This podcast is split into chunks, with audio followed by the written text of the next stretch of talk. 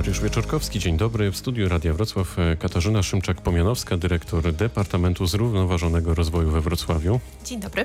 Jak idzie Wrocławiowi walka ze smogiem? Jesteśmy na dobrej drodze. Mam nadzieję, że mieszkańcy się przyłączą i uda nam się uporać e, ze zjawiskiem niskiej emisji, czyli tych zanieczyszczeń, które mamy z piecy węglowych e, we Wrocławiu. Ciężka praca przed nami, zaplanowana do 2024 roku, ale warto się pospieszyć, bo najwięcej zyskają ci, którzy jako pierwsi wymienią piece węglowe w swoich mieszkaniach. A sprawdza Pani, jaka jest dziś jakość powietrza? Dzisiaj mamy dobrej jakości powietrza. W całej Polsce jest dobrej jakości powietrza. A sprawdza Pani na co dzień przed wyjściem z domu? E, tak, sprawdzam. No na tym też polega moja praca, żeby być e, na bieżąco, więc obserwujemy to. E, często mamy taką sytuację, że we Wrocławiu jest lepszej jakości powietrze niż wokół, czyli mamy do czynienia z emisją napływową z gmin ościennych. E, to, to też jest temat do przepracowania, no ale tym, czym chcemy się zająć najbardziej, to jednak likwidacją pieców węglowych e, we Wrocławiu, w osiedlach śródmiejskich, w osiedlach domków jednorodzinnych. To jest nasz cel.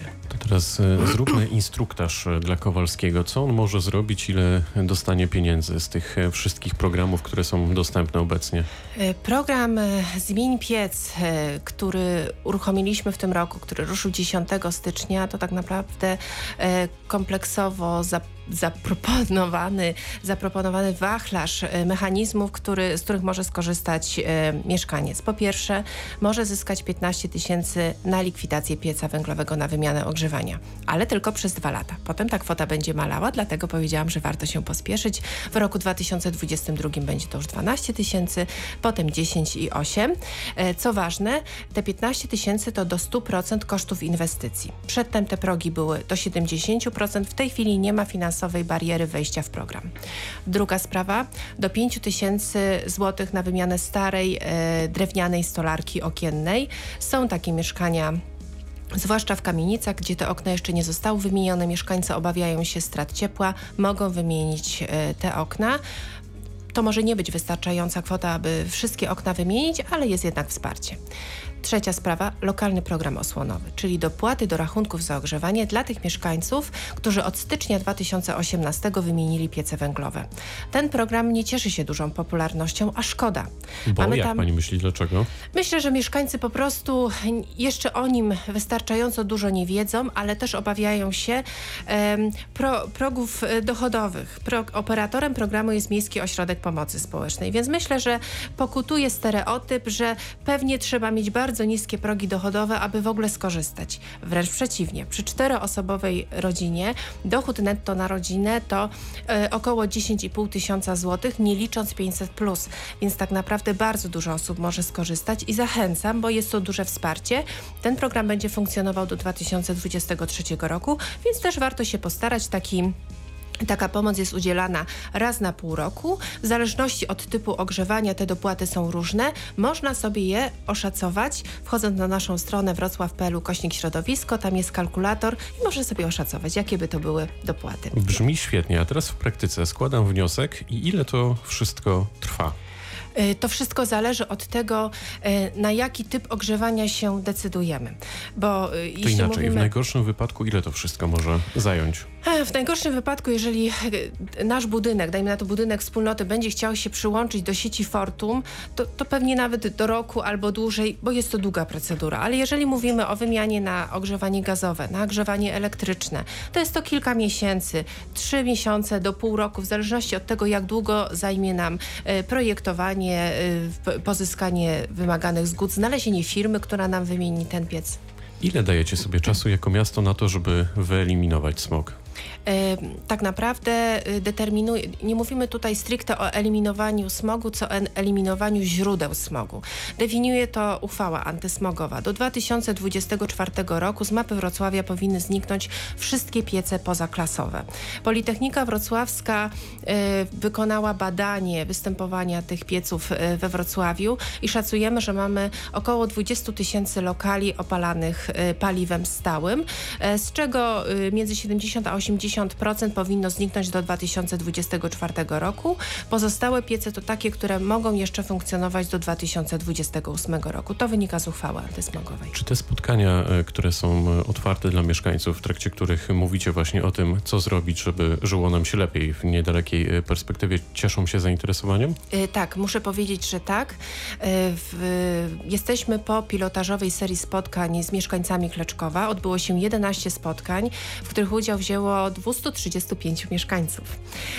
Czyli średnio 20 osób było na spotkaniu. Byli zapraszani w sposób celowany. Otrzymywali zaproszenie z ręki urzędnika z informacją, że jest takie spotkanie, że mogą się dowiedzieć o dostępnych programach, o sposobach wymiany ogrzewania. Mm, spotkania prowadzone są przez naszych doradców energetycznych, zawsze o tej samej porze, zawsze w tym samym miejscu. Mm, jeżeli danemu mieszkańcowi nie odpowiadał termin zaproponowany w zaproszeniu, mógł przyjść na inny. To jest tylko jakby y, orientacyjna data, pełny harmonogram tych spotkań był dostępny na naszej stronie internetowej Zmień Piec i, y, i tak, jestem zadowolona z tego, w jaki sposób odbywały się te spotkania, ale też w jaki sposób mieszkańcy, udawało nam się przekonać mieszkańców, bo wchodzili z taką dużą dozą nieufności, niepewności. Mogłabym nawet powiedzieć, że oporu.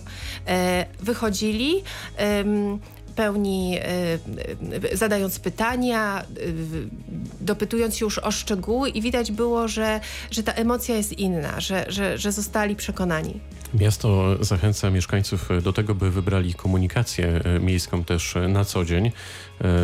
Jaki procent urzędników właśnie na co dzień korzysta z usług komunikacji miejskiej? Jak pani myśli? E, myślę, że sporo, biorąc pod uwagę, ile rowerów na parkingach rowerowych pod budynkami Urzędu Miejskiego jest parkowanych codziennie. Myślę, że sporo. Na rowerach dojeżdżają też e, e, urzędnicy kadry kierowniczej, więc... W... O, no to przede mną siedzi kadra kierownicza. Pani czym dzisiaj przyjechała do radia? Dzisiaj akurat do radia przyjechałam samochodem, ale jeżeli jadę prosto do pracy w sezonie od wiosny do jesieni często korzystam z roweru. Dlaczego, gdy we Wrocławiu na przykład wiemy od rana, że jest e, fatalna jakość powietrza, to to nie wiem, to nie ma darmowej komunikacji miejskiej, tak jak czasem się to dzieje w innych miastach w Polsce. Y, y we Wrocławiu poszliśmy trochę inną drogą. Wprowadziliśmy wrocławski indeks powietrza, e, czyli na wyświetlaczach systemu informacji przystankowej na naszej stronie internetowej dostępna jest nie tylko informacja o stanie jakości powietrza, ale również rekomendacje, jakie zachowania w danym dniu powinni e, przedsięwziąć nasi mieszkańcy, szczególnie grupy e, ryzyka, czyli dzieci, osoby starsze czy kobiety w ciąży darmowa komunikacja, panie redaktorze, w mojej ocenie jest to pewnego rodzaju zabieg PR-owy, a jednak stawiamy na realne działania, czyli rzetelnie... gdyby przez tydzień była darmowa na przykład?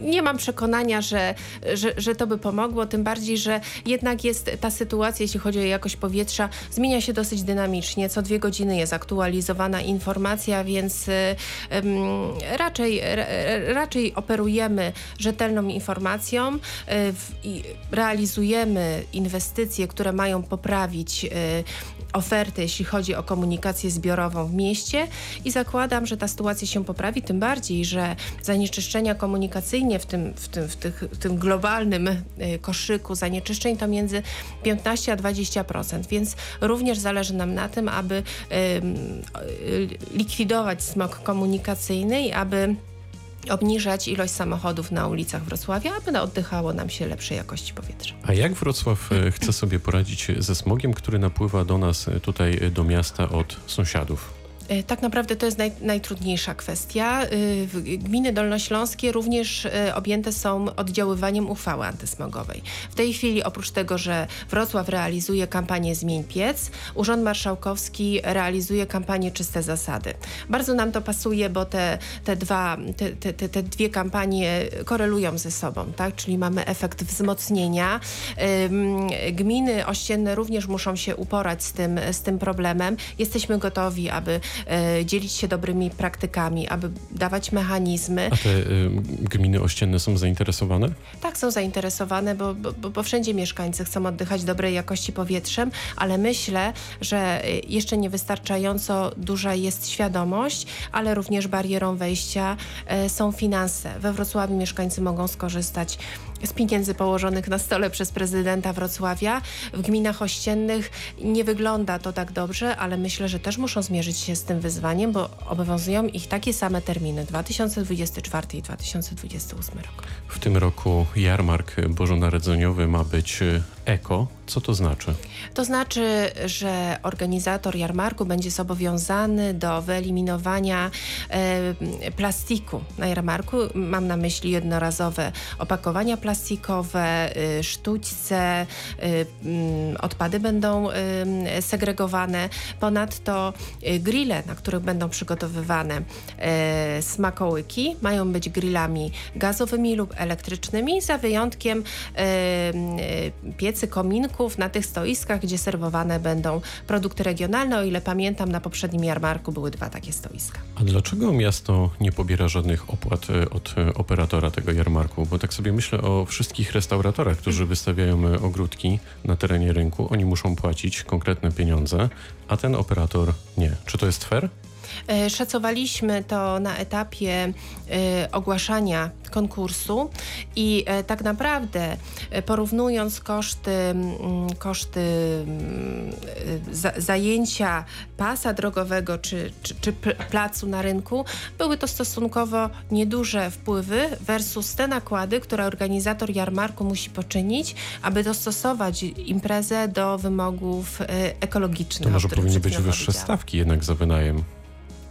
E, ale te stawki wynikają z, z, rozpo, z, z, z za- zarządzeń, czyli z tych przepisów, które na terenie miasta obowiązują wszystkich, również restauratorów, tak? Więc nie mamy takiej możliwości, żeby e, restaurator wystawiający og- ogródek na płycie rynku płacił inną stawkę niż e, organizator jarmarku. To jest jednak zunifikowane i tutaj wszystkich obowiązują podobne zasady, więc Mając na uwadze, jak dużą ilość atrakcji organizator jarmarku zapewnia i że wszystkie nakłady inwestycyjne są po jego stronie, bo w innych miastach owszem, pobierane są opłaty, porównywaliśmy to, to naprawdę nie, nie były w, w skali budżetu tych miast y, duże, duże kwoty, w tej chwili nie przytoczę, bo nie pamiętam, ale Mm, Biorąc po, pod uwagę, że tamte miasta musiały inwestować w jarmarki, Wrocław nie inwestuje ani złotówki. To organizator jarmarku wszystkie te atrakcje, które są zapewniane na płycie rynku, finansuje sam. Ale też y, na nim zarabia. Kończąc y, temat y, jarmarku, jak idzie ym, realizacja poprawek przy ulicy Daszyńskiego w związku z realizacją projektu Grow Green? Bo dziś y, przed godziną pan prezydent y, Jacek Sutryk ogłosił, że w końcu po wielu tygodniach tam ma się coś y, zmienić. Ja się zastanawiam, dlaczego jest tak, że jak mieszkańcy od początku mówią Panowie urzędnicy i panie urzędniczki, no wypadałoby tutaj się przejechać, zobaczyć jak to wygląda w praktyce. Nie idźmy ślepo w to, co już zrobiliśmy. To musi minąć naprawdę tak dużo czasu, albo nie da się tego wcześniej zrobić tak, żeby było dobrze. Dlaczego to tyle trwało? Y, Temat ulicy Daszyńskiego wybrzmiał w momencie, kiedy pojawiły się już, bo tak naprawdę mówimy o, o problematycznym skrzyżowaniu ulicy Daszyńskiego i Żeromskiego, bo tak naprawdę całe zagospodarowanie ulicy Daszyńskiego w ramach projektu Grow Green, który przypomnę, że ma szerszy zasięg, bo oddziałuje też na sześć wnętrzy podwórzowych, więc jakby ta, ta ulica była jednym z elementów.